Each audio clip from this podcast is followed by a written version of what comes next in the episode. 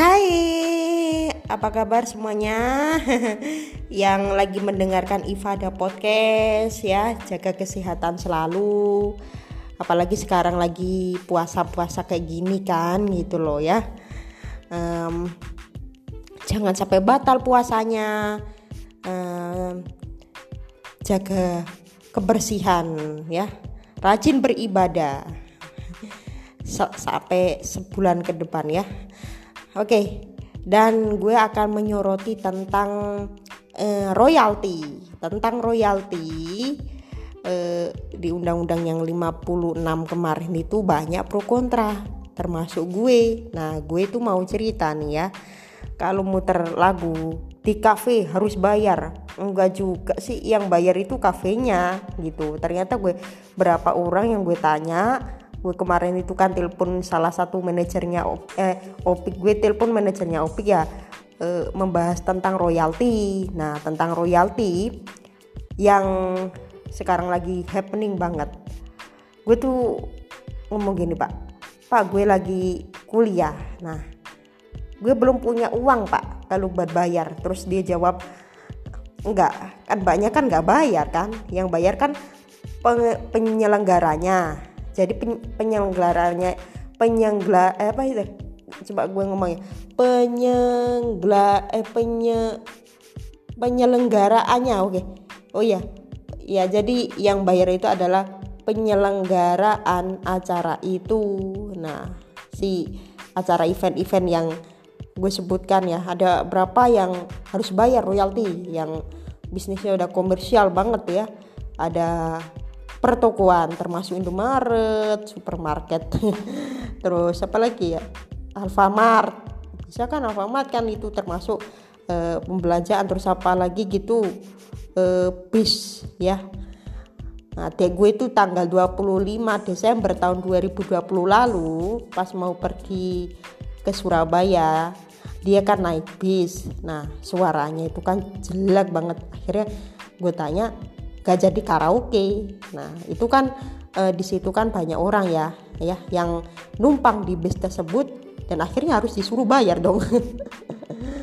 Semua bayar royalti harus bayar royalti. Tapi kalau kita mau lagu pribadi ya lagu pribadi justru nggak bayar gitu. Karena e, di Spotify kan udah ada premium tapi yang dijelaskan itu jadi e, yang tempat-tempat yang umum aja deh seperti kayak bioskop uh, hotel, bisnis karaoke itu pasti. Nah, karena uh, orang-orang datang ke karaoke itu demi berkaraoke untuk menyanyikan lagu-lagu orang itu pas itu ada hasilnya gitu loh. Ya. kalau kalau mereka uh, datang pasti ah ini harganya berapa nih gitu. Uh, ada yang eksklusif tuh khusus 5000 ada yang 12000 kayaknya. Iya sih bayar sih. Kebetulan gue tuh nggak pernah karaoke. Kenapa? Nggak pernah karaoke karena gue nggak suka karaoke. Gue tuh sukanya itu kalau nyanyi perform itu sambil main piano live live dor deng deng deng deng tayeng gitu guys ya. Dari gue tuh mau bahas ini selama kurang lebih satu jam ya karena panjang banget. Uh, dulu tuh gue tuh beli kaset yang bajakan bro. Gak pernah beli asli. Soalnya kalau beli asli itu harganya mahal. Sekitarnya ada e, eh, 5000 kurang lebihnya itu kalau gue beli kaset itu sebanyak 5000 itu udah dapat gitu. 4000 5000 nah itu pun berapa kali diputer langsung kaset itu sudah ini apa sudah gak ya ya diputar kadang bisa kadang enggak gitu deh. Nah, kalau yang original itu kan harganya pasti dulu ya sekitar 50.000 ada yang jualan. 80 80.000 ada yang jualan 100.000 gitu. Bahkan ada yang 150.000 nah sekarang kalau kayak pita-pita gitu kan ya zaman zaman kaset pita. Dulu itu kaset pita itu laris di era 80-an banyak-banyak artis-artis yang mengeluarkan uh, kaset pita. Nah, gue tuh suka banget karena kaset pita itu kapan pun bisa diputer, entah itu kalian uh, uh, mobil kalian maksudnya ya, mobil kalian masih uh, produksi lama maksudnya ya 2000-an masih unit yang lama. Belum yang baru nah itu masih bisa. Terus kemarin itu gue tuh cek di internet ada seseorang yang bawa mobil nyari kaset lama. Men mencari kaset lama sekitar harganya berapa bos? Gitu. Ya kalau udah langka-langka bisa sampai 100 ribu 200 ribu. Nah kalau yang harganya karena kan langka kalau kalau harganya misalnya ada lagu baru nih dulu itu 6000 udah ada 7000 udah ada itu pun bajakan. Itu kasetnya sudah di copy sama orang yang tak bertanggung jawab guys. Nah baru gue nyorotin ini karena ya kemarin sempat males aja gue bikin podcast gitu. Nah gue tuh sekarang itu belajar jadi pencipta lagu penyanyi juga pencipta lagu. Daripada gue tuh belum pernah bikin lagu terus kebanyakan lagu-lagu orang yang gue bikin yang gue nyanyikan itu selalu lagu ciptaan orang lain. Sampai-sampai kemarin opras itu gini itu lagunya siapa sih? Milik siapa? Milik Kesia Lefron kah gue nggak tahu penciptanya siapa. Pokoknya artisnya doang. Nah makanya kok jadi bodoh amat gue nyanyikan lagu orang lain. Nah sekarang gue tuh baru tiga lagu yang gue bikin ya udah ada materi ciptaan gue dan sesisanya gue tetap menyanyikan lagu ciptaan orang. Nah gue kan belum punya uh, uang dan penghasilan kalau manggung juga terkadang itu gue nggak dibayar. Nah kalau nggak dibayar seperti ini bagaimana membayar royaltinya seharusnya itu sekiranya ya orang-orang kafe-kafe sudah mendapatkan uh, uang dari hasil manggungnya tersebut dibayar sekitar 2 juta 3 juta kadang-kadang itu satu panggung kayak panggung hajatan itu itu pun harganya itu 300 ribu. Nah harga 300 ribu itu buat makan aja sehari udah habis kurang apalagi. Itu pun kalau manggungnya satu hari nah kalau kalian manggungnya dalam satu hari maksimal ya terkadang itu ada jadwal ah pagi ini mampir ke sini ah siang ini mampir ke sini sore ini mampir ke sini juga sama malamnya mampir ke sini. Nah, kalau segitiga itu mungkin ya. Sekarang kan lagi pandemi. Nah, dulu sebelum pandemi gue ceritakan. Sekiranya lo satu panggung atau satu tempat lo main nyanyi kayak main organ dibayar 300 ribu.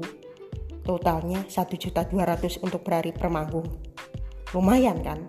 Lo bisa buat beli rumah atau tabungan berapapun gitu.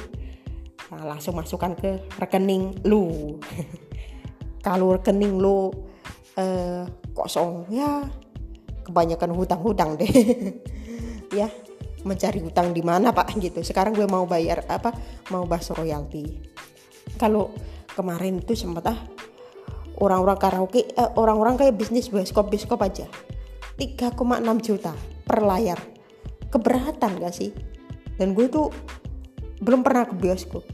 Kalau 3 juta eh, 3,6 juta rupiah mahal per tahun. Aduh siapa sangka sih gitu. Nggak kuat gue aja sendiri aja sampai bantah-bantah marah sama manajernya Opik eh, hari Minggu hari Minggu atau Senin itu Senin kalau nggak salah marah gue pak kalau pas kayak covid itu pak.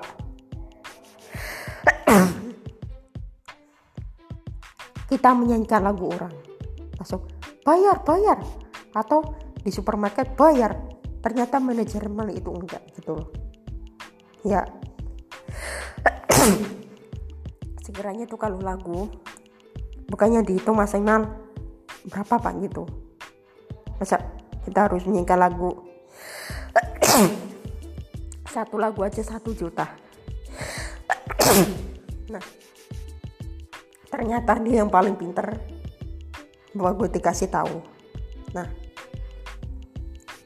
seandainya ya sewaktu-waktu lu bisa Opi lu sekarang kan masih jadi musisi pemula. Nah sesuatu sesuatu eh suatu hari lu sudah pinter lu jadi penyanyi pencipta lagu lagu kemudian lagu gue dinyanyikan oleh orang. Ya lagu gue maksudnya gue yang bikin. Lalu orang itu dapat uh, keuntungan. Dan gue enggak rugi dong. Iya bener rugi. Makanya gue tuh pikir banget dalam-dalam. Dan gue tuh kepingin menciptakan lagu sekaligus penyanyi gitu. Nah terus bagaimana kalau di cover? Ya usah aja deh bro. Gue nggak pengen jadi pencipta lagu bro. Ini hanya pengen jadi penyanyi atau MC dan sampai sekarang ini ada tiga lagu yang gue udah bikin. Dan gue sudah belum gue sudah files gue sudah rekam di files tiga lagu. Itu lagu baru dan gue belum publis nanti aja setelah lebaran baru gue publis nah udah ada yang baru. Tiga tiga lagu nanti gue akan milih. Salah satu di antaranya um, yang berjudul apa kemarin itu uh, hujan. Hujan apa gitu yang pokoknya liriknya seperti ini. Setiap menatap langit ke atas berhari-hari hingga perlahan-lahan mendung menghampirinya. Langit terasa gelap ketika hujan telah turun ke bumi. Membasahi bumi ini marilah bawa payungmu untuk melindungi diri ini dari air turun ke bumi sampai hujan berhenti. Marilah melangkah ke kamar tidur ditemani bantal guling hingga pagi hari. Judulnya hujan hingga pagi kalau nggak salah. Pokoknya nanti gue kasih tahu deh kalau judulnya bener itu hujan hingga pagi. Merupakan lagu yang gue bikin uh, sekitar bulan Februari atau Maret sekalian terekam di file situ. Dan ceritanya tentang pas waktu hujan ya tiba-tiba hujan basah semua ya dari uh, jalan raya dari kebun kebun-kebun juga gitu. Dan kalau kalian keluar tetap aja membawa payung biar um, diri kalian tidak terkena air. Nah, dan itu pun kalau udah capek-capek ya kedinginan wah sangat kedinginan tidur di kamar ya. Saya tidur malam-malam nih malam hujan nih ya. Tidur di kamar pegang bantal guling dan waktu pagi lu bangun itu pun hujannya sudah mereda gitu. Tapi ya gitu deh ceritanya lagunya tentang hujan. Itu gue yang bikin. Dan gue pun juga nggak ngasih tahu ke siapa-siapa gue nggak ngirim file ke siapa-siapa termasuk adik gue karena lagu ini gue akan gue sendiri yang akan menyanyikannya. Gak akan menciptakan dan menyanyikannya. Kalau gue jadi penciptanya doang kemudian lagu gue di apa bawakan oleh orang lain yang untung nanti siapa? Ya uang gue lah yang akan diambil. Gitu. Nggak tahu ya. Kalau kalian yang mau cover silakan. Tapi gue nggak tapi gue silakan ya. Biar lagunya populer. Gue juga pengen populer dong karena gue juga nyanyiin gitu. Tapi itu siapa pun gue juga nggak kenal ada yang di luar sana wah lagunya bagus gitu. Nah makanya gue tuh sekarang itu mulai belajar bikin lagu. Emang bikin lagu tuh e, kalau kalian pikir-pikir ya pasti bisa gitu. Jangan aduh nggak bisa gue bikin lagu eh jangan gitu deh. Orang musisi maksud cuman hobinya nyanyi doang mana pencipta lagunya mana otaknya otaknya itu lo dipakai. Kalian punya otak nggak sih? Nah makanya kalau sekarang itu uh, lu harus kreatif lagi. Lu jangan bawakan lagu orang mulu sekali ya. Saatnya lu harus berkarya dengan karya lu sendiri kayak gue tadi. Itu lagu gue yang gue nyanyiin barusan ya. Yang lagu itu emangnya karangan gue ya. Jadi kalau karangan lu bagaimana? Maksudnya lu ah, gimana bikin-bikin lagu rata-rata ya kemarin ya ciptaan orang lain. Contohnya lo eh, eh nyanyi ini ciptaan orang lain nih gitu. Sekarang ini lo ya. Kalau lo lo penyanyi lo nyanyikan lagu apa? Lagu gue termasuk. Tinggal nyanyi lo tinggal ngapalin. Tapi kalau bikin lagu susah dan gue membutuhkan waktu dua minggu bikin lagu itu. Baru selesai itu pun juga gue belum publish masih uh, di file gue dan gue juga yang megang lagu itu. Gue nggak lepas ke mana-mana termasuk adik gue. Pas gue disuruh dek hafalkan lagu gue. Enggak. Ada gue itu kan suaranya oh bagus banget ya. Gitu. Gue gue tuh dari dulu kepengen jadi artis ya. Kalau adik gue yang mewakili gue untuk membawakan lagu gue dia akan dikenal orang. Sedangkan gue enggak makanya gue enggak mengizinkan adik gue untuk menyanyikan lagu semua lagu ciptaan gue gue aja yang gini. Masih menyanyikan lagu orang lain kok gue kok gitu. Gue sembunyi sembunyi aja gue. Nah, takutnya apa khawatir dikhawatirkan kan karena nanti gue kalau upload ya dan di YouTube. Nanti dikhawatirkan ah lagu gue nih dihafalin orang lain termasuk adik gue. Sedangkan gue mau ngizinin ini dek dek gue masih nyanyikan lagu orang gitu aja padahal gue tuh udah belajar bikin lagu sendiri dan tujuannya untuk supaya dikenal orang nah seperti itulah awal-awal kalau bikin lagu. Dan sekarang kita akan ke masalah royalti. Cover pun juga gitu ya. Karena lo jadi musik cover itu juga bayar kan. Punya orang, lagu punya orang. Jadi harus bayar royalti. Tapi otomatis lo gak usah bayar karena nanti kan uh, diklaim gitu maksudnya kalau viewsnya udah tinggi nih nanti kan katanya audionya itu diklaim nih siapa ya gitu nanti videonya akan dibagi dua misalnya antara yang satunya eh, penyanyinya yang satunya pengcovernya. Ya bener kan itu udah. Sekarang ngomongin tentang royalti.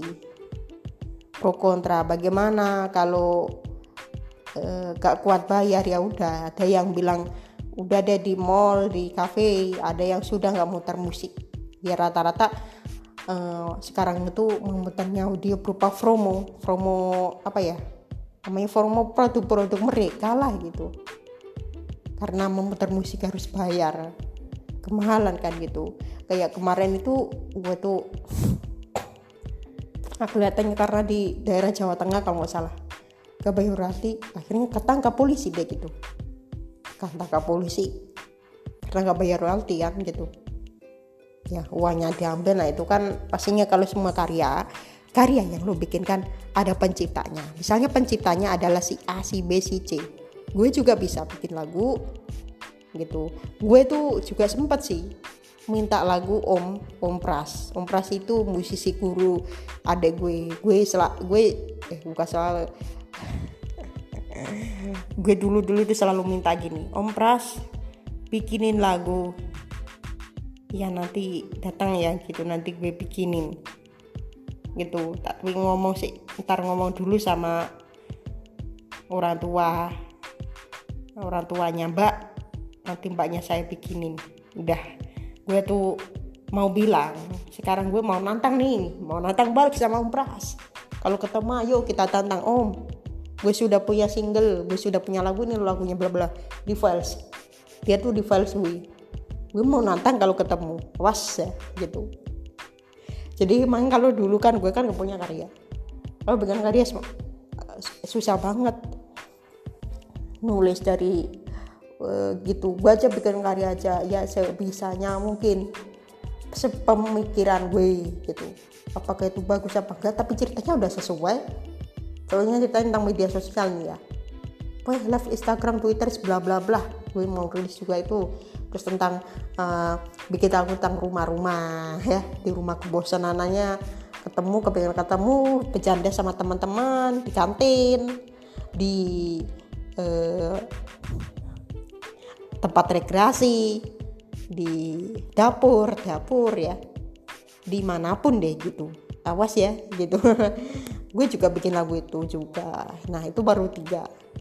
Adalah ceritanya yang satunya tentang hujan satunya lagi tentang uh, media sosial dan satunya lagi tentang jenuh kejenuhannya di rumah.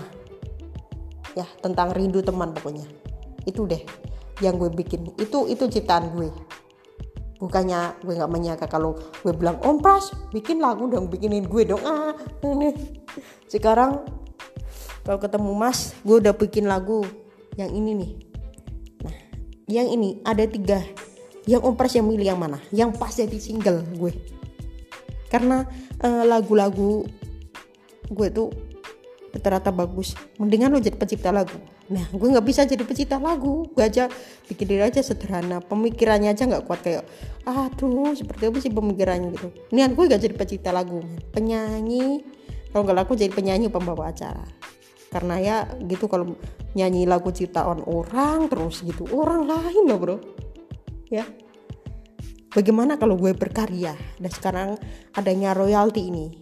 Gue bangga selalu gue bisa menciptakan lagu berapapun gitu. Dan terkadang gue juga masih bahkan orang lain. Kalau pendapat gue ya kalau gue yang nyanyiin pasti gue dapat double maksudnya ya ya. Perform artis gue artis. Kita perform perform di cafe. Ini perform artis. Gue tah tak ini lagu ciptaan gue. Gue promosi sendiri nggak minta orang lain. Gue bisa nyanyiin sendiri. Gue emangnya udah itu aja. Gue juga uh, males kok bikin lagu. Beneran gitu. Kok rata-rata itu kalau bikin lagu ya emangnya ribet juga gitu. Mending gue jadi penyanyi aja deh gitu. Sudah pernah jadi bikin lagu juga. Udah lagu ciptaan orang lain. Masih itu sih. Tapi nanti kalau lama kelamaan gue pasti akan bikin lagu sendiri. Ya gue nyanyiin sendiri gue bikin lagu sendiri. Tidak uh, gue kasih ke orang-orang kecuali gue sendiri yang publis. Tapi kalau aransemen gue butuhnya aransemennya gue sambil main piano lalu juga ada yang bermain gitar ada yang pemain drum ada yang pemain DJ gue suka musik yang EDM EDM gitu. Tapi lu jangan menganggap bahwa gue tuh musik dangdut ya lah kalau dangdut kayak kemarin itu ada yang jadi pencipta lagu juga nih. Dia pemulung Syam Permana. Ya ternyata Sam, Bapak Sam itu dulunya itu banyak sekali karya-karyanya dibawakan oleh orang lain. Tapi orang lain itu melejit. Namun si Sam ini akhirnya sebaliknya rumahnya pun dapurnya nggak ada eh, tempat toilet kamar mandinya nggak ada katanya. Toiletnya nggak ada terus berantakan semua ya. Eh, anak-anaknya juga nggak bisa belajar online nih kasihan juga ya pencipta lagu ngiris deh gitu. Seharusnya ya dapat juga kan itu kan haknya gitu loh. Jadi gemisu juga sih melihatnya Bapak Sampermana itu di musisi dangdut nih karyanya banyak sekali tapi artisnya yang akhirnya jadi terkenal. Gimana ya? Makanya itu lagunya ya ciptaan-ciptaannya lah gitu loh. Sebaliknya gitu. Bahkan artisnya yang terkenal. Nah makanya gue gak gue gak mau seperti itu. Gue tuh kepingin langsung menciptakan lagu dan gue nyanyiin langsung perform. Nah gak kayak gak kepingin gak samper mana kalau Sam itu kan bapaknya jadi pencipta lagu doang. Sedangkan gue tuh kepingin jadi promosi juga ya gitu. Ya kalau kayak sunyi-sunyi eh, nggak ada musik di mall gimana? Mending puter solawat ada yang bilang seperti itu juga. Nah, seperti uh, puter solawat. Nah puterin uh, murotal banyak deh gitu. Aku itu nonton sampai uh, sehari semalam untuk menonton apa yang namanya royalti royalti gitu ya bayar royalti. Terus juga pada Krispati juga seneng ya bayarnya dari LMKM ya. Terus juga ada yang mah pengusaha-pengusaha sampai didatangi nih hotel lama MLKM ya. Singkatannya lembaga manajemen kolektif nasional atau LM atau LMKN ya. Ya sih. Ya gitu deh sekarang yang baru tuh LMKN nah kalau um, ngamen. Ngamen itu katanya gak bayar ya. Kasihan uh, uang dari harga misalnya kalian sehari nih keliling ke rumah itu pun kadang nggak dibayar cuma dibayarnya 500 1000 belum cukup loh di situ. Kira-kira ada pengaman 30 ribu belum cukup sehari buat makan. Gimana bayar royalti gitu? Makan aja susah. Pokoknya lebih baiknya ya um, pokoknya apa ya orang ngamen. Bikin lagu sendiri nggak bisa. Kemarin itu di depan rumah gue ada seseorang pengamen ini dia membawakan lagunya Seventeen Ayah. Ciptaannya almarhum Herman. Bener gak sih? Itu ciptaannya? Nggak tahu ya pokoknya itu deh. Pokoknya gue tahu ciptaannya. Ya ya ciptaannya. Nah, harus tahu ini penciptanya siapa lagu siapa ada yang nah, gitu juga sih. gitu. mereka akhirnya dapat juga dikasih uang. Terus akhirnya mereka eh, ke pindah lagi pindah ke tempat yang lain. Oke? Okay? um, masih bahas tentang royalti kira-kira satu jam aja sekalian ya. Karena gue itu tertarik dengan yang namanya royalti. Gue tuh kalau di panggung baru pertama kali untuk menyanyikan lagu sendiri. Gue tanya nggak bisa bikin lagu sendiri. Dulu gak ada alatnya alat buat telepon ini. Gue rekam di handphone ya. Nah ada berapa nanti yang sudah gue buat dan gue hafalkan di rumah karena gue mangi kurang jago juga bikin lagu dan gue juga nggak kepingin jadi pencipta lagu niatnya gue kepingin jadi penyanyi. Karena kemarin itu uh, uangnya diambil oleh hak cipta ya ada gue aja disuruh bayar 450 ribu. Nah itu pun lagunya sekalian dibeli. Bagaimana kalau kita sudah bawa lagu sendiri dari rumah terus kemudian direkam uh, di studio lalu dipublish bayar gak sih? Dan lagunya udah kita bikin. Terus tinggal kalau di studio aransemennya aja bagaimana. Dan gue nanti juga ngatur ya aransemennya seperti ini nih. Lagunya seperti ini nih gitu. Nah seperti itu e, di bulan puasa besok nanti gue akan bahas tentang bulan Ramadan. Ya sekarang kita akan e, membahas tentang copyright dulu ya tentang royalti. Royalti itu sekiranya harganya tuh ideal kalau misalnya kita bayar ya 600 ribu itu ideal. Kalau sampai 3,6 juta di bioskop itu loh beratan gitu. Makanya mereka butuh apa itu namanya solusi. Solusinya di mana gitu loh. Makanya kalau ada apa-apa ya pemerintah kalau bikin aturan seperti ini ya seharusnya ada eh, solusi. Maksudnya ada ada yang diajak ini apa ada yang diajak terlibat di situ gitu. Jangan sampai weh ngatur aja. Coba dong pengusaha eh, apa hotel. Please dilibatkan nih berapa tarifnya. Nanti kalau kayak gini keberatan nggak bisa bayar nih. Lagi pandemi sekarang apa-apa lagi sulit masa sulit gini. Nyari uang aja susah. Kan yang nggak enak ya kalau di, kalau diterusin terusin gitu. Nah adanya e, royalti gue juga menyuruh ada gue bikin lagu dek lu cowok dek bikin lagu sendiri dek. Jangan minta gue lagu lu cowok kok sukanya minta-minta lagu orang. Gue pun juga ngiplis seperti itu gue tuh orangnya tegas banget. Gue tuh suruh dek bikin lagu dek sendiri dek. Dari otak lu sendiri. Ngarang dek sekalian rekam dek. Kalau rekam di komposernya langsung enak. Gitu. Sedangkan dikhawatirkan gue tuh kalau minta aku kalau gue bikin direbut karir gue lagu gue. Beneran gue nggak gue emangnya lagu gue nggak mau direbut oleh orang lain.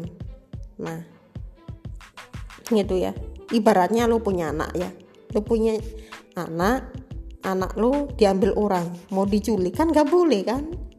Nah ini anaknya siapa? Ini kan anak anak-anak saya. Masa mau diculik gitu? Kan enggak begitu juga begitu juga karya nah kalau lu punya karya lu bikin lagu nih sendiri. Udah. Udah sukses. Nah enggak begitu juga karya tapi jangan sampai dah orang lain uh, menyentuhnya sekalian. Tapi kalau lo menikmati aja nggak apa-apa sih gitu. Nah tapi kalau sampai menjual mempromosikan dibawa di panggung di mana pun itu di uh, ruang tamu.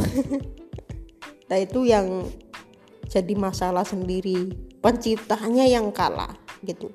Makanya gue tuh kepengen jadi penyanyi dan pencipta lagu. Penyanyi dan pencipta lagu ya. Nah kalau bisa bikin lirik aja deh lirik gitu. Gak bikin lagu lagunya siapa aja yang bikin nah tuh kan bayar juga sih gitu. Nah sekiranya gue uh, buat lagu buat adik gue ya selama ini gue nggak niat untuk bikin lagu buat adik gue. Bener gak niat? Ya selama ini ya gue aja yang nyanyi gitu. Ya ngapain? Gitu. Repot juga kalau bikin lagu orang. Jadi gue aja yang bawain gue rekam di file dan gue dengerin. Kalau bisa gue rekam di uh, rumahnya Mas Om Pras tadi salah satu lagu gue aja tanpa gue kasih files karena gue itu nggak mau karya gue dicuri orang. Ya semua tuh harus dilindungi hak cipta juga harus dihargai. Kalau nanti gue lagu gue yang gue rilis baru deh gue um, perbolehkan kalian cover. Kalau yang bukan gue yang rilis gue nggak ngizinin gitu. Kalau ini deh gitu. Lo lo lo lo nanti nanti ada gue deh yang gitu yang nyanyiin gitu. Ah, sama ada gue aja gue itu sering berantem kok gitu. Beneran. Ya berantem banget ya terutama ya termasuk tampil gitu kan. Ada acara tampil kok ada gue terus yang tampil gue nggak tampil gue aja tampil sel selalu berantem gitu. Aja karena gue gak aja tampil gue sampai telepon gitu. Dan gue mau bawain lagu gue. Selalu berantem gue itu sekarang gue aja latihan ya. Lu latihan apa gue yang latihan nih? Sambil main piano sambil nyanyi. Karena gue sudah gak mau aja lagi. Ada gue semenjak gue dikalahkan oleh ada gue. Ada gue terus yang tampil. Terus kapan gue? Gitu. Akhirnya gue tuh ya gitu deh. Ya kayaknya ya selalu ribut sering ribut juga. Gitu ribut. Ya tentang tampil tentang latihan atau apa sampai gue aja dia aja dua dong gitu nah makanya gue tuh pengen niat untuk bikin lagu sendiri tanpa ada terlibat orang lain cuman aransemennya karena gue nggak bisa main gitar. Nah jadi kalau gitar ayo kita butuh orang lain gitu. Nah, orang lain aja bikin ya. Tapi gue yang nyanyi tetap yang utama gitu. Oke okay. karena itu adalah lagu gue sendiri ciptaan gue sendiri masa mau diambil orang lain orang lain mana sih orang? Bodoh amat. Hari kini nggak bisa bikin lagu. Coba lo baca-baca buku ya. Buku puisi. Karena nggak semua orang bisa bikin lagu ya. Kalian coba bikin puisi. Eh bikin. Coba kalian baca puisi di internet. Misalnya puisi tentang apa ya? Puisi eh musisi tentang guru sekolah. Bisa musisi tentang uh, eh puisi tentang ibu bisa. Puisi tentang makanan bisa puisi tentang uh, percintaan. Nah itu nanti kalau udah dapat notasi kalian tulis lagu apa ya yang pas ini? Baca-baca seperti ini kalian tulis saja tuh. Kalian kalau kalian jadi MC ya. Membacarakan dari urut kata-kata. Itu sih bisa bikin lagu contohnya Umar ya. Nah dia tuh Umar temen gue bisa kok bikin lagu di MC bisa itu dari pemikiran. Ya gak begitu bisa kalau dibilang bagus ya namanya sombong.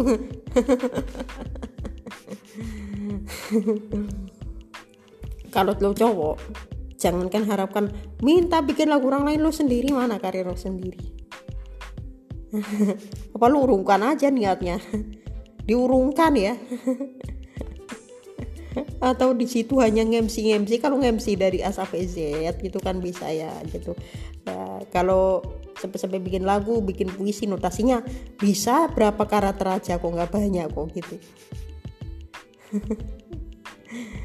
Lu ini gimana sih orang-orang sekarang? Banyak orang yang nggak bisa bikin lagu tapi yang sekarang itu yang di eh, tekan oleh Pak Jokowi ya undang-undangnya di uh, buat itu khusus hak cipta nah makanya hak cipta ini benar banget. Ya. Memutar lagu secara komersial harus bayar royalti termasuk kayak seperti kafe ya karena itu adalah komersial. Buat buat iklan hilang gitu deh. Nah, karena itu kan bentuk promosi jadi berbayar dong. Sampai sampai sekarang itu uh, kita masih menemukan kok uh, kayak artis-artis yang promo lagunya. Gue datang sini mau promo gue datang sini mau promo. Nah gitu deh. Kayaknya seperti itu kira-kira yang gue bahas topik pada hari ini di podcast Ifada Podcast.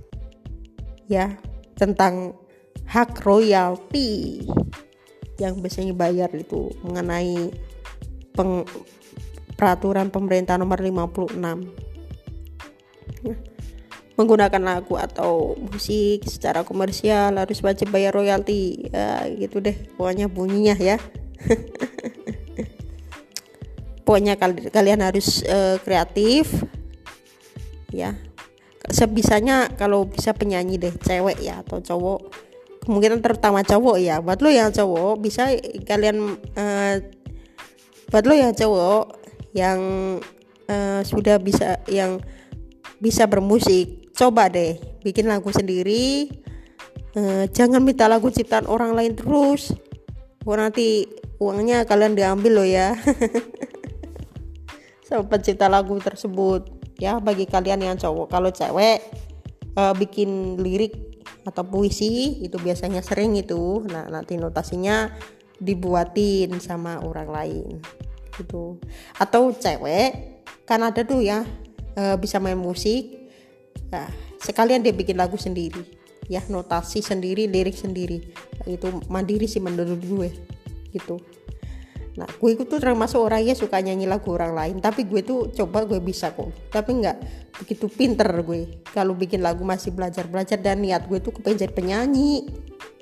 Gitu. Tapi ya masa kok lagu ciptaan orang lain terus gitu. Sekali gue itu membawakan lagu ciptaan gue sendiri. Gue arang sendiri, apa-apa sendiri bukannya lo uh, ke orang lain tiba-tiba lo tetangga lo orang pinter musisi eh bikinin lagu buat lagu dong gitu. Nah, seperti itu sih jangan ya bro ya. Sekarang ini udah era digital bro gitu. Kalau lu kepingin kayak gitu terus lu nggak bisa apa nanti uang tua-tua lo jadi miskin. Nah semua orang kan nanti kan di masa tuanya kalian kalian kan pasti punya hak nih. Ah lagu gue dibawain orang lain. Coba deh kalau kalian bawakan lagu ciptaan snow sendiri gimana? Kalau nanti tuanya. Gue juga belum tua jadi gue belum merasakan. Kalau nanti udah tua 60 70 tadi kok kayak yo yo kuas yo kusboy itu kan. Tepatnya udah 78 tahun titi puspa 84 tahun. Gimana? Ini udah tua loh. Orangnya sudah jarang tampil. Dan lagu-lagunya juga masih dikenal gitu. Sama sekali udah nggak punya karya karena um, udah selesai. Karyanya udah selesai tapi ya sesekali masih masih gitu sesekali sesekali. Orang tua-tua itu kan ah ya gitu deh pokoknya dia berkarya di musik. Ya sudah kalau kalian karya di musik ya di musik. Kalau kalian di uh, berkarya di film di film. Gitu aja kok repot Oke. Okay.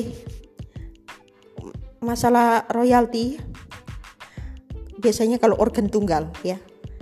Eh, datang-datang ke hajatan di hajatan. Bisa Bapak mau nikah, menikahkan anaknya. Biasanya elektron itu rata-rata sering bawakan lagu ciptaan orang lain karena dia nggak bisa bikin lagu sekarang harus dibayar nih. Wah, bagaimana ya sekarang? Ya begitu sih menurut gue Pak peraturan peraturan Pak Jokowi bagus nih. Biar semua orang itu di Indonesia uh, ini bisa bikin karya sendiri biar kreatif gitu. Dari uh, lingkungan-lingkungan ceritanya bagaimana rumahnya gitu. Rumahnya uh, rumahnya cukup mewah. Rumahnya sederhana gini-gini ya. Gitu sih menurut gue sih Pak Jokowi bener nggak biar orang eh, organ tunggal itu nggak terus membawakan lagu orang. Capek kalau membawakan lagu orang terus. Udah capek kita pak. Gitu. Mudah-mudahan gue berpodcast ini uh, bisa menjadi masukan bagi para musisi-musisi ya yang terus membawakan karya orang lain. Dan gue tuh juga udah bikin nih bikin tiga lagu. Gue nggak sekarang ini Mas Prasi itu gue telepon Mas di video kalian ada di video masnya ada yang cover nggak? Lagu cover nggak Mas nggak di video saya ini ini lagunya ini. Uh, ini apa itu namanya? Uh, sudah original karya buatan saya nggak ada cover. Gue, gue ribut masalah itu. Gue gue tanya ya emang jelas sama sih? Gitu. Dia takut emangnya sekarang dia tuh buat lagu-lagu sendiri? Bukan gue denger atuh nggak enak banget deh lagunya nggak enak ya gitu. Gue juga kenal nih lagu siapa gitu. Tanpa kayaknya tanpa royalti deh karena gue gak kenal gue kira lagunya independen gitu. Gitu. Dia udah ulang lagi dia. Sekali lagi ya di di video ini di swing musik ya kalau nggak salah gue sebutin aja swing musik di situ nggak ada karya cover. Karya murni ciptaan gue ciptaan saya. Gue kira nanya ada yang cover gitu diulangi lagi gitu. Biar paham gitu. Masalah itu ribet juga gue mah gitu. Terus bertanya uh, ada juga sih orang yang menyanyikan orang mana gitu ya? Ceritanya lagunya itu mirip Denny Caknan. Langsung video itu langsung kena cipta kopira dia nangis nangis gak pus sampai ngulang lagi nih gitu. Itu aja sudah aduh nangis deh gitu kena copyright emang nggak bisa bohong. Kalau sudah kayak gini ya udah. Terus apa lagi gitu. Yang kami lakukan. Bohong udah nggak bisa. Kadang bisa bohong nih. Ngubah lirik. Mengubah lirik seseorang. Dengan adanya mirip mirip misalnya lagu gue. Lo ubah tentang hujan ya. Karena lakukan tentang hujan. Lo ubah tentang sawah. Perkebunan ya. Gue nggak bahas tentang perkebunan lu tiba-tiba gak izin dengan gue. Klaim lu gue. Sampai-sampai gue ngeklaim video ya gara-gara lu ubah lirinya gue mau klaim siap mau klaim ya. Awas lo ya. Gitu. Kalau kalau kalian jadi gak produktif lu tiba-tiba bikin lirik tapi menggunakan ada apa notasi lagu milik orang lain.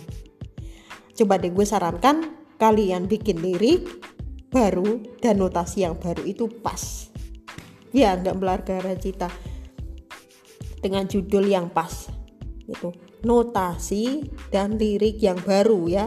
Bukan lirik baru tapi notasi lagu yang udah terkenal. Itu namanya adalah e, mengubah lirik. Itu nggak boleh. Bahkan kemarin itu sampai uh, Indira Kalista ya kalau nggak salah. Sama Badai ya. Kayak nyanyi lagunya si uh, Mita Lestari yang uh, aku cuman punya hati kalau nggak salah ciptanya Badai ya. Sebagai pencipta lagu ya wajar dia marah. Uh, dia ubah lagunya. Di mana ada cinta seperti ini di menjadi di mana ada bucin seperti ini. Makanya sampai Badai marah uh, videonya viral diunggah ke Lambai Tura. Sampai-sampai terus ketemu ya mohon maaf ya gitu. Dimarah-marahin sampai-sampai gak mau deh dibuat lucu-lucu gitu. Sampai yang terakhir videonya disuruh hapus-hapus. Segera dihapus ya. Saya akan hapus postingan saya juga. Oh, gitu. Itu sih. Ya sebagai pecinta lagu wajar ya gitu ya. Bahwa seseorang itu lagunya bisa nggak nggak boleh ya. Mentang-mentang di buat orang lain gitu nggak boleh gitu. Karena itu haknya siapa gitu jelas badai mengeluhkan karena itu lagunya yang bikin badai. Susah-susah payah bikin lagu sendiri. Gitu. Menurut gue pas saja lu marah itu lagu lu mas badai. Bukan lagu gue. Kalau lagu gue ya gue akan pasti ngajak lu untuk uh, membuat sesuatu keributan aneh-aneh gitu. Ternyata itu lagunya uh, miliknya uh, Badai. Jelas sekarang itu Badai itu uh, kalau satu uh, setiap dua apa tiga tahun ini dia ngomong aja soal cover. Jangan cover kalian cover di YouTube terus dikhawatirkan ada oknum yang tak bertanggung jawab mengambil videonya di Spotify. Ke, eh mengambil audionya ya. Mohon maaf, mengambil audionya kemudian diunggah di Spotify di Apple Music di iTunes kan gak enak juga kalau di YouTube gak apa-apa tapi jangan kalian distribusi di platform lain itu namanya melanggar hak cipta ya. Nggak boleh ya itu itu karya orang ciptaan orang harus pintar lagi itu bohong juga nggak boleh ya termasuk orang bohong ya. Ketahuan soalnya sudah berada dari mana-mana kayak Mas Is Payung Teduh 2000 17 marah-marah tuh lagunya uh, sama lagu sama orang-orang yang mengcover lagu akad. Akhirnya Mas Ismara tentang lagu akad yang dicat yang diciptakannya. Karena lagunya itu beredar di Spotify di Apple. Dia mengingatkan um, teman-temanku sekalian nah, terima kasih yang mengcover ya telah mengcover lagu akad. Tapi sudah ada berapa yang uh, produksi di Spotify di Juluk tanpa seizin dari pihak payung teduhnya. Terus katanya artis-artis kalau segini terus mereka akan menyamperin. Nah itu jadi sorotan gitu sampai sekarang. Oh iya. Jadi itulah Mas Iskan seorang pencipta lagu akad juga. Menurut gue semua itu yang teriak itu kalau penyanyi jarang. Rata-rata pencipta lagu ya harus dihargai pencipta lagu terutama ya. Dan yang paling mendapatkan penghasilan biasanya di TV itu performnya yang dikenal itu penyanyi. Bagaimana kalau pencipta lagu mah gitu. Loh kalau pencipta lagu beda lagi bro. Jadi lagu kalian dikenal masyarakat berkat dari sang penyanyi kemudian sang pencipta lagu nggak dapat apa-apa. Nah kalau eh, PP yang sudah disahkan oleh Pak Jokowi ini memberi kesegaran dari para musisi sehingga para uh, musisi kalau udah tua nanti suatu saat udah tua mereka sudah nggak miskin. Mereka tinggal duduk minum uh, ya minum semacam teh ya teh atau kopi-kopi uh, yang yang lainnya gitu. Nah enak tuh tinggal minum kopi kopi apa gitu teh kopi atau uh, ya semacam Milo ya. Lo tinggal duduk nonton TV atau merokok udah nggak usah kerja apa-apa udah tua. Nanti royaltinya datang tiap per tahun.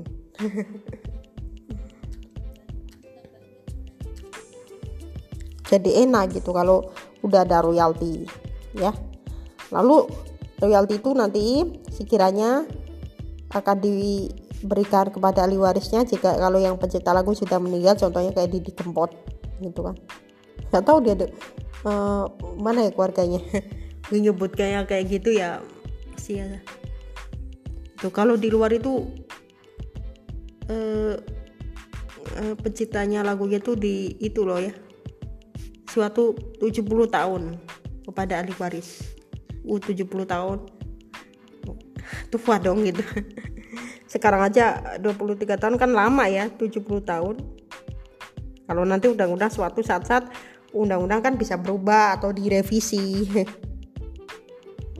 Itu kan. Lebih baik ini aja deh. Jadi guru dosen. Udah jadi dosen. Ngajar di negeri supaya lo nanti saat waktu pensiun tuh tetap mendapatkan uh, gajian kerja dari mana? Dari tugasnya kemarin-kemarin itu loh. Berapa gitu? Sebulan berapa? Biar nggak kena dampaknya lagi gitu.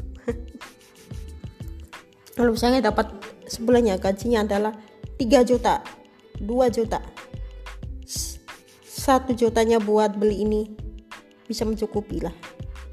Kira-kira. Kalau gue udah tua gue tuh kalau itu kan akan dikasihkan ke yang udah pensiun. Ya usianya udah tua udah 60 tahun ke atas. Kalau yang pensiun dini dapat uang gak atau mengundurkan diri. Itu gue belum tahu ya kalau masalah pensiun dini tuh. Nah jadi kayak gitu. Kalau ada royalti nanti musisi kalian udah tua kayak Sampermana bapak Sampermana itu pasti akan mendapat royalti lah sampai-sampai dia melaporkan ke badan-badan intelektual segala ke wah nggak tahu deh gitu. Ke sampai dia ngajak-ngajak pengacara. Para pengacara juga diajak supaya dia mengulurkan tangan gitu loh. Memberi eh, lagu apa memberi royalti kepada si Sam Permana gitu loh. Wis itu ngiris banget ya. Dapur-dapurnya juga masih jelek gitu. Dan Duh, dia juga masih punya dua anak yang SD sama SMP. Itu masih kecil. Anaknya si Sam Permana itu. Penyanyi dangdut eh pencipta lagu dangdut. Ya udah lagunya siapa pun bisa yang dinyanyikan karena itu lagunya milik sang permana udah ciptaannya sendiri jadi sang sampai uh, jangan sampai uh, menjaga lagu orang lain bisa we. Kalau dia pencipta lagu ya wah lagunya ini dinyanyikan oleh ini bla bla bla ini. Ternyata suaranya sang permana itu bagus. Oke? Okay? itu aja tentang royalti. Dan mudah-mudahan uh, jadi sesuatu kebanggaan bagi para musisi ya untuk melindungi hak cipta dari karya-karya kalian. Supaya kar karya kalian itu nggak uh, diputar sembarangan atau sampai-sampai dibajak itu karena di Indonesia itu masih ada pembajakan ada mengambil lagu orang lain di internet tanpa izin cover tanpa izin manggung tanpa izin gitu kan. Seharusnya izin dong gitu loh yang penting itu kan haknya orang lain. Nah sekarang ngomong-ngomong harus kreatif lagi untuk uh, menjadi para musisi-musisi yang hebat di Indonesia. Terus ngomong-ngomong nanti anak-anak kita Nina uh, nanti anaknya jadi pemusik nih. Men meneruskan jejaknya orang tua gimana nak? Kalau kalian punya anak nih? Oh ya siap mah uh, nah nanti terus ini kayak anaknya si Yofi Widianto sama Arsi itu kan. Dia musisi juga nih. Mengikuti jejak sang ayah oh seneng bangganya gitu. Uh, kalau kalian aduh lagu kalian dinyanyiin orang gak bayar royalti lagi. Itu kan sudah repot banget ya. Coba deh kalau gue gue sih nggak kepingin um, keluarga gue jadi musisi. Termasuk adik gue sih nggak nggak ada seperti itu. Cuman kita harus uh, menghormati menghargai karya seseorang ya ya dengan musik-musik bagaimana toko kafe sekarang ini belum ada ya uh, hajatan-hajatan di tempat saya. Semoga ada ada hajatan-hajatan karena sudah boleh katanya menggelar hajatan namun harus mematuhi protokol kesehatan yang ketat. Ya setidaknya kalian um, bisa uh, menjalankan tes antigen itu yang sekarang lagi dikejarkan ya uh, sama pemerintah ya itu uh, seperti genosis atau antigen ya. Para musisi juga ingin manggung lagi sekian dalam agak manggung ya. Tapi jangan lupa kalau setiap nyanyi lagu orang bayar royalti enggak seperti itu. Tapi nanti penyelenggaranya yang mau bayar. Kita nggak usah bayar bagaimana kalau nyanyi di eh, kuliah ya. Pensi pensi itu kan nggak ada ya. Kan nggak bayar ya gue sudah tanya ke manajemen manajer opik juga. Katanya nggak bayar kalau nyanyi di pensi. Kalau kalian nyanyi contohnya di kafe di hajatan bisa nggak? Di hajatan. Tergantung hajatannya entah itu di gedung bisa atau di hajatan di hotel.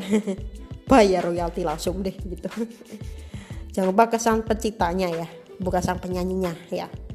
Karena itu ya yang bikin haknya miliknya gitu. Oke. okay. Um, semoga di uh, undang-undang yang baru ini masyarakat sadar lah gitu. Halnya pen, betapa pentingnya uh, para pencipta lagu juga kepingin hidup yang mewah gitu. Ingin menguntungkan lah ya. maksudnya ingin menguntungkan juga selain penyanyi pencipta lagu juga ingin um, dapat keuntungan ya ingin diperuntungkan kita juga ingin diperuntungkan juga gitu guys oke okay? um, terima kasih Wes, terima kasih ya yang sudah uh, menyaksikan Ifada Podcast. Ya. Tentunya gue akan podcast ini tentang, tentang royalti.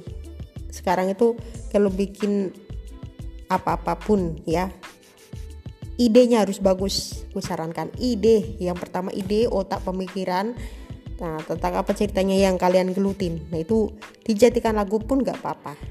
Gitu. Entah itu tentang lagunya tentang masak mungkin.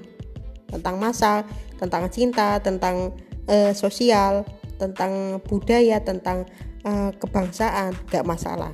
Pokoknya karyanya sendiri, notasi baru, lirik baru, ya gue sarankan. Jangan mengambil notasi lama tapi liriknya diganti. Itu namanya melanggar hak cipta ya. Oke harus pinter lah orang Indonesia ya. Oke. Jangan lupa. Nah, ngomong-ngomong nah.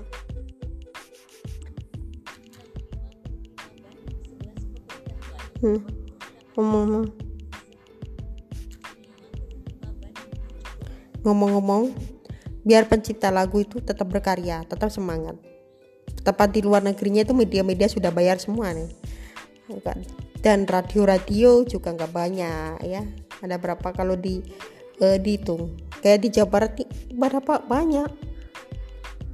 Di radio uh, di luar negeri juga udah bayar sistemnya juga udah diterapkan di mana-mana. Indonesia ini yang belum oke? okay? Siap uh, menerapkan uh, copyright ini siap dong. Royalty juga siap. Baik gue senang banget nih adanya pak adanya undang-undang hajita ada gue tetap berkarya deh gitu. Gue tetap berkarya deh dengan menyanyikan lagu karya gue oke? Okay? oke? Okay? karena ini waktunya sudah mepet nih hampir satu jam. Terima kasih yang sudah mendengarkan Ifada Podcast. Jangan lupa follow Instagram gue di @isyatul_ifada i s y a t u l ifada i f a e i s y a t u l i f a d h cepat ya disambung. Ya ngomong gue agak cepet deh. Dan jangan lupa um, DM nanti topik apa yang gue pas untuk kalian bahas uh, untuk uh, topik yang pas untuk kalian semua. Ya. Oke itu aja. Terima kasih. Dan jangan lupa podcast ini share ke teman-teman kalian oke? okay?